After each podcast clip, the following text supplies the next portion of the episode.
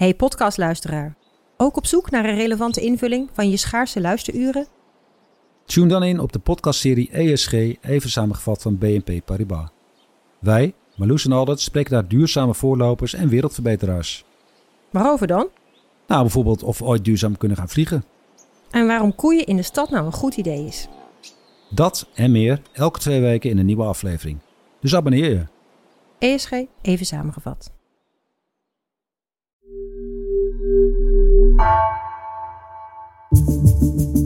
Vanaf de redactie van NRC het verhaal van vandaag. Mijn naam is Misha Melita.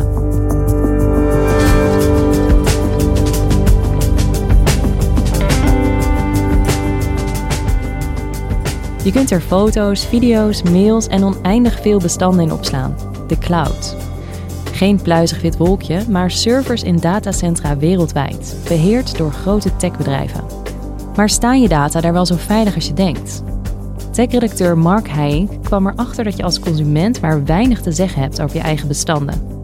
Zijn we te gehecht geraakt aan de cloud?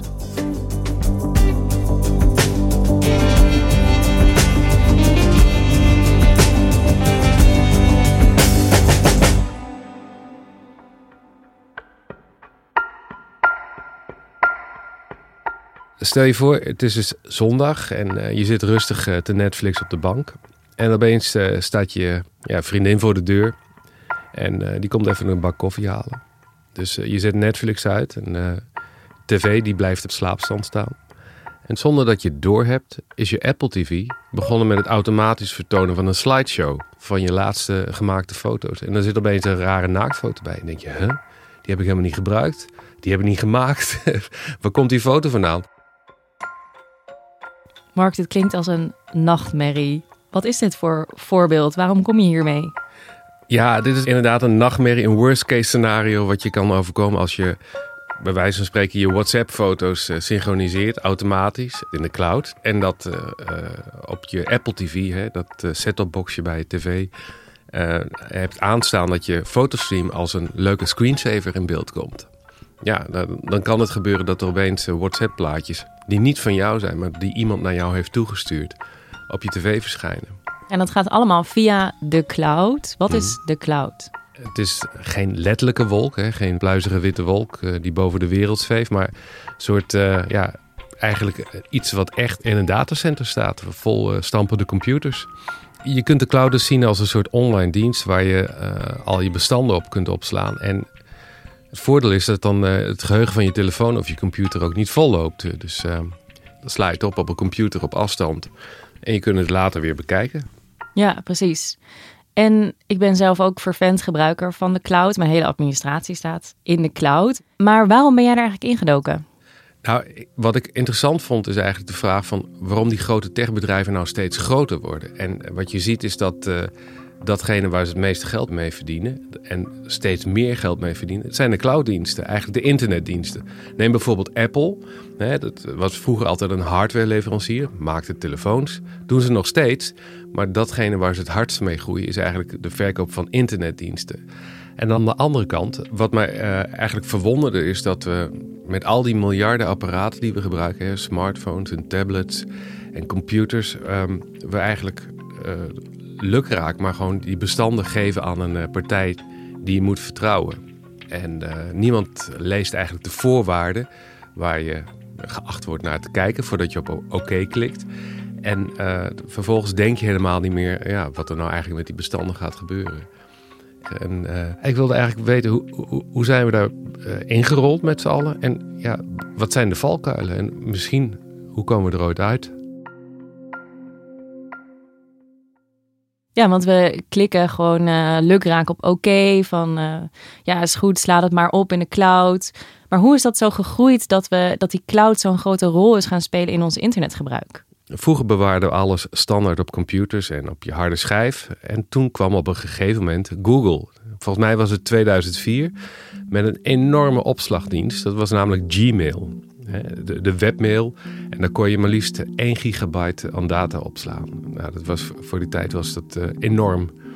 En uh, iedereen ging dus opeens webmail gebruiken, want het was super handig. Je kon het op elke computer uh, kon je daar, toegang krijgen tot je mail. En ehm, je zag al heel snel dat andere techbedrijven ook het voorbeeld van Google gingen volgen en probeerden hun eigen internetdiensten te introduceren. En toen kwam de iPhone erachteraan. En het was zeg maar een eerste smartphone waar je een goede internettoepassing op had. En waar ook goede foto's mee te maken waren. En het was eigenlijk een combinatie van en een goede smartphone en de opkomst van die, van die hele ehm, ja, krachtige online diensten en betere internetverbindingen. Zodat het ook makkelijker was om uh, onderweg uh, even snel iets te uploaden of te downloaden. En uh, Apple had ook zijn eigen variant op de cloud. En dat was de iCloud. En die werd in 2011 gelanceerd door Steve Jobs. If I get something on my iPhone, it's sent up to the cloud immediately. Let's say I take some pictures with it. Those pictures are in the cloud, and they are now pushed down to my devices completely automatically. And now everything's in sync with me not even having to think about it. I don't even have to take the devices out of my pocket. It just works. Dat is dus hoe de cloud begon. Maar inmiddels zijn we er helemaal aan gewend geraakt en gebruiken we het voor veel meer dan e-mails en foto's. Nou, je ziet dat het een soort basis is geworden. Hè? Je Apple ID of je je Google ID of uh, Microsoft ID om, om een hele zwik diensten eraan te koppelen. Dus het is een soort waaier van diensten geworden. En um, denk aan uh, bijvoorbeeld je wachtwoorden, die worden gesynchroniseerd. Denk aan uh, de app stores zelf, de manier om, om bestanden te downloaden.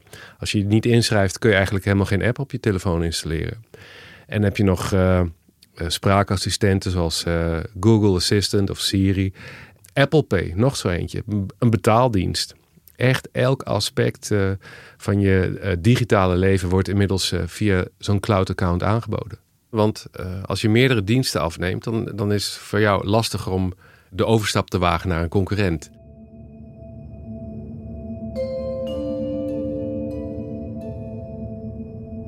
Maar goed, jij begon met een voorbeeld over uh, een vriendin die langskomt en dat er ineens een naaktfoto op het scherm staat. Dat lijkt me toch iets dat we willen voorkomen. Ja, gelukkig kun je dat ook voorkomen. Ik bedoel, zet een vinkje aan op je telefoon en die backup die wordt niet automatisch gemaakt. Of je zet die Apple TV, stel je zo in dat hij niet de, de actuele fotostream meeneemt. Dus daar heb je zelf nog invloed op. Het is veel vervelender eigenlijk dat er ook dingen met je bestanden in de cloud gebeuren waar je eigenlijk helemaal geen zicht op hebt. En hoe kan dat dan? Want we hadden het erover dat je best wel vaak gewoon klikt op accepteren, op prima, ik heb deze voorwaarden gelezen, terwijl je dat misschien wel niet hebt gedaan. Um, wat zijn de dingen die er dan met je bestanden gebeuren waar we eigenlijk geen weet van hebben? Nou, je, kan eigenlijk stellen dat in die voorwaarden uh, je accepteert dat je niet langer de baas bent over je eigen bestanden. Dus bedrijven als uh, Microsoft of Google, die kijken ook gewoon tussen je bestanden of daar materiaal bij zit dat uh, misschien uh, copyright schendt of uh, dat extreem geweld bevat of kinderporno bevat. Allerlei andere verboden materialen. En zodra ze het idee hebben dat er verboden bestanden tussen zitten, dan kunnen ze bijvoorbeeld geautomatiseerd je account sluiten. En gebeurt dat ook? Ja, het is vorig jaar een paar keer gebeurd met onder meer Nederlandse gebruikers van Microsoft-diensten. Eén voorbeeld, dat lijkt wel een beetje op het voorbeeld van, van wat we net in het begin hadden over WhatsApp. Dat was namelijk iemand die zegt dat hij via WhatsApp, een of andere vriendengroep of zo, een plaatje had gekregen dat een stel naakte kinderen op de achtergrond toonde. En dat plaatje belandde via een automatische backup op zijn OneDrive. Hè, dat is zeg maar de Microsoft variant van Cloud Backup. En um, Microsoft zag dat of hun computers zagen dat en die hebben automatisch hun, zijn account geblokkeerd. Hij kon niet meer bij zijn e-mail, hij kon niet meer bij uh, de bestanden, had geen lokale backup gemaakt. En uh, ja, geloof dat hij het omschreef als uh, dat hij in een digitaal Siberië was beland opeens. En daar kon hij zich niet meer tegen verweren. Hij heeft geprobeerd dat met een kort geding terug te draaien, is niet gelukt. Dus ineens was hij gewoon uit alles buitengesloten?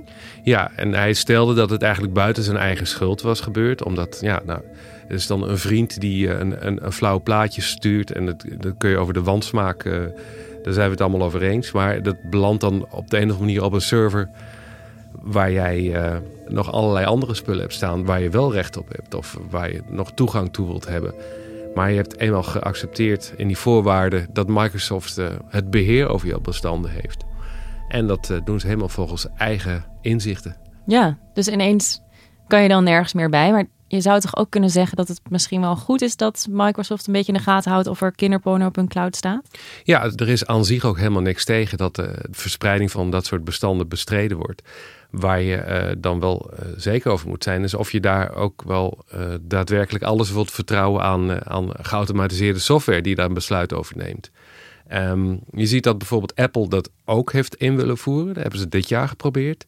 En die, die legden de lat wat hoger. Die zeiden niet één plaatje is genoeg om geblokkeerd te worden. Maar die wilden een drempel inbouwen van 30 afbeeldingen. Dat is al best wel veel. Daar kun je dus echt van uitgaan dat iemand er een bedoeling mee heeft. En dan wilden ze zelfs nog een uh, geautomatiseerde beslissing door een mens laten controleren. Dus gewoon echt iemand die daar zelf uh, naar kijkt, een persoon. Om te voorkomen dat, dat je mensen uh, ja, onterecht blokkeert. Zelfs dat was aanleiding voor allerlei consumentenorganisaties en privacyorganisaties om te protesteren tegen Apple. En ze hebben dat ingetrokken. Wat, wat grappige was, is omdat Apple hier best wel transparant over was, over hun werkwijze ja, werd iedereen weer even wakker geschud van... hey, andere techbedrijven doen het dus uh, eigenlijk wat rukzichtlozer. Ja, precies. En op deze manier kun je dus je bestanden kwijtraken. Kun je eigenlijk gewoon de toegang tot de cloud uh, kan je ontzegd worden. Maar staan je bestanden daar verder wel gewoon veilig? Nou, ik weet niet uh, of er ondertussen een, een kernramp plaatsvindt of alle stroom is uitgevallen. Maar je kan stellen dat om bestanden voor langere tijd te bewaren is het handig om gebruik te maken van een professionelere oplossing dan je eigen harddisk. Wat natuurlijk wel het lastige is, dat um, jouw administratie uh, bevat misschien wel dingen die uh, heel interessant zijn voor de Amerikaanse overheid bijvoorbeeld. En uh, dat is even een fictief voorbeeld, maar stel je voor dat zeg maar een, een, soort bevel wordt gegeven van wij willen kijken, we willen een soort huiszoeking doen op die computer dan uh, uh, kunnen die techbedrijven eventueel de versleutelde bestanden uh, ontsleutelen en een opsporingsdienst toegang geven. Ja, want we hadden het net over dat Microsoft of Google je de toegang tot je cloud kunnen ontzeggen doordat er dingen op staan waar ze het niet mee eens zijn of die gewoon verboden zijn. Mm -hmm. Maar ze kunnen dus ook derden toegang geven tot jouw bestanden in de cloud, zoals een inlichtingendienst. Uh, ja, en dat, dat staat wel in, uh, in de kleine lettertjes, maar de meeste mensen kijken daar niet naar. En laat staan dat je iets aan die kleine lettertjes uh, kan veranderen. Ik sprak Marco Loos, hij is hoogleraar consumentenrecht aan de UvA. En de reden dat ik hem sprak is dat hij een van de auteurs was van een heel kritisch rapport over wat voor rechten je nou eigenlijk okay, hebt. Dit heb ik op het web gevonden voor de De cloud is hier! Dat is toch raar? Hey, Siri, ga eens even, ga eens even diep schamen in de hoek. Maar is dat de cloud? Is Siri de cloud? Uh, ja, Siri draait alleen in de cloud. Ik dacht dat ik hem op vliegtuigmodus had staan, maar blijkbaar stond wifi nog aan. Siri werkt niet altijd mee, zoals we allemaal weten. Maar um, ik sprak dus Marco Loos en uh, hij is hoogleraar consumentenrecht aan, uh, aan de UvA. En het leuke van deze hoogleraar is dat hij de term digitale asymmetrie gebruikt. En dat geeft heel mooi aan dat er sprake is van een uh, scheve machtsverhouding tussen jou als consument en het grote techbedrijf. Die asymmetrie heeft te maken met de, de, de, mogelijkheid om te onderhandelen over voorwaarden. Ja. En dan sta je als, uh, als individuele consument uh, tegenover een, een multinational. Nou, dat win je natuurlijk nooit. Uh, dus dat betekent feitelijk dat, je, uh, dat het slikken of stikken is. Je ja. moet hun voorwaarden accepteren of ze gaan niet met jou in zee. Je kan stellen dat het zijn dan wel jouw data, maar het blijven hun voorwaarden.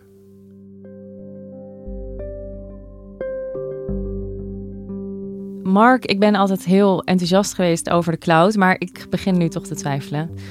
Kan ik er nog uit en zijn er alternatieven? Ja, als je er energie in steekt, uh, dan kun je er zeker uit. En gelukkig uh, heb ik een hele energieke collega, dat is Rick Wassens. En uh, die is gaan kijken eigenlijk in een datacenter. Of die daar zelf zijn eigen cloud kon, kon bouwen. Ik wilde dus een eigen cloud bouwen. En als je kijkt naar al die bedrijven, die zitten in datacentra. Dus waarom zou ik daar niet tussen kunnen zetten met mijn eigen computer? Ehm, ik ben naar datacentrum Maincubes gegaan. Uh, dat ligt in de buurt van Schiphol. En daar uh, kreeg ik een rondleiding. Dat gaat dan langs enorme zalen, gewoon vloeren, gewoon grote sporthallen eigenlijk. Vol met uh, computer racks. Zo heet dat dan. Gewoon grote kasten gevuld met computers, met servers. Het is gewoon een soort parkeergarage. En je kan er dan dus je eigen computer in hangen. Maar wat het probleem is, is dat die markt zo super geavanceerd is geworden. dat er eigenlijk niet zoveel plek is voor uh, het servertje van de consument. Het goedkoopste all-inclusive pakket is dus één zo'n rack. Dus één zo'n hoge kast met computers. Uh, en waar je dus tientallen computers in kan hangen. En ja, om in die metafoor van de parkeergarage te, blijven, zeg maar, is, is het net alsof ik als, als consument een driewieler wil parkeren op de plek waar ook een grote terreinwagen had kunnen staan. En de kosten zijn dus ook navenant. Hè? Dus de marktprijs is een beetje, moet je toch wel snel denken aan 950 euro per maand. Hè? Met alle, alle voorzieningen die daarbij horen bij zo'n datacentrum. Dus dan heb je het ook over hè, wat gebeurt er als de stroom uitvalt. Er is een dieselaggregaat, er is 24 uur 7 beveiliging en zo. Dus alle voordelen daarvan. Maar ja, dat kost je dus wel 950 euro per maand. Voor de meeste mensen uh, sneuvelt het eigenlijk al gewoon op het, op het kostenplaatje. Oké, dus je kunt zelf een cloud beginnen, maar dat is behoorlijk uh, onbetaalbaar voor gewone consumenten. Wat zijn nou jouw tips voor mensen die ja, niet helemaal van die cloud af willen, maar ook niet zo afhankelijk willen zijn van die grote bedrijven? Nou, ik zou er ook zeker niet van af willen van die cloud. Sterker nog, ik denk dat ik niet meer zonder kan. Maar juist omdat ik er zo afhankelijk van ben, uh, probeer ik er toch iets anders in te richten. Dus in het geval van WhatsApp kun je ook prima je automatische synchronisatie uitzetten. Of je kan ervoor kiezen um, bij de backups uh, niet alle uh, grote video's en foto's ook te, op te slaan. En wat je ook kan doen is meerdere diensten gebruiken, zodat je niet alle eieren in één mandje hebt. Of uh, koppel niet per se dat e-mailaccount uh, wat je ja, ooit een keer van Apple of Google hebt gekregen aan en je telefoon en je backup en uh, nou goed, die hele waaien van diensten die ze aanbieden. Want je e-mailadres is toch een belangrijke functie, die wil je gewoon zelf in handen houden. Ja, Mark, ik heb altijd het idee dat na een aflevering met jou dat we naar huis gaan worden gestuurd met digitaal huiswerk. Ja, nou, je krijgt geen overhoring na de, na afloop. Dus het is je eigen verantwoordelijkheid. Nou, ik hoop dat ik uh, zeg maar, de vraag bij mensen oproep. En het antwoord moeten ze dan toch maar zelf verzinnen. Dankjewel, Mark. Graag gedaan.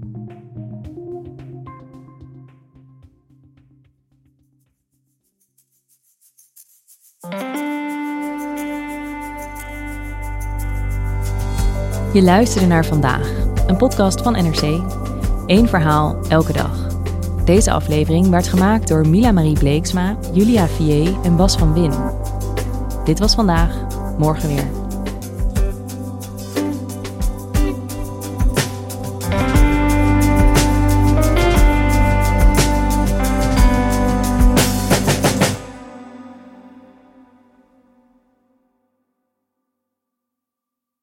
Technologie lijkt tegenwoordig het antwoord op iedere uitdaging. Bij PwC zien we dit anders. Als we de potentie van technologie willen benutten, kunnen we niet zonder een menselijk perspectief. Human-led, tech-powered noemen we dat. Ga naar pwc.nl.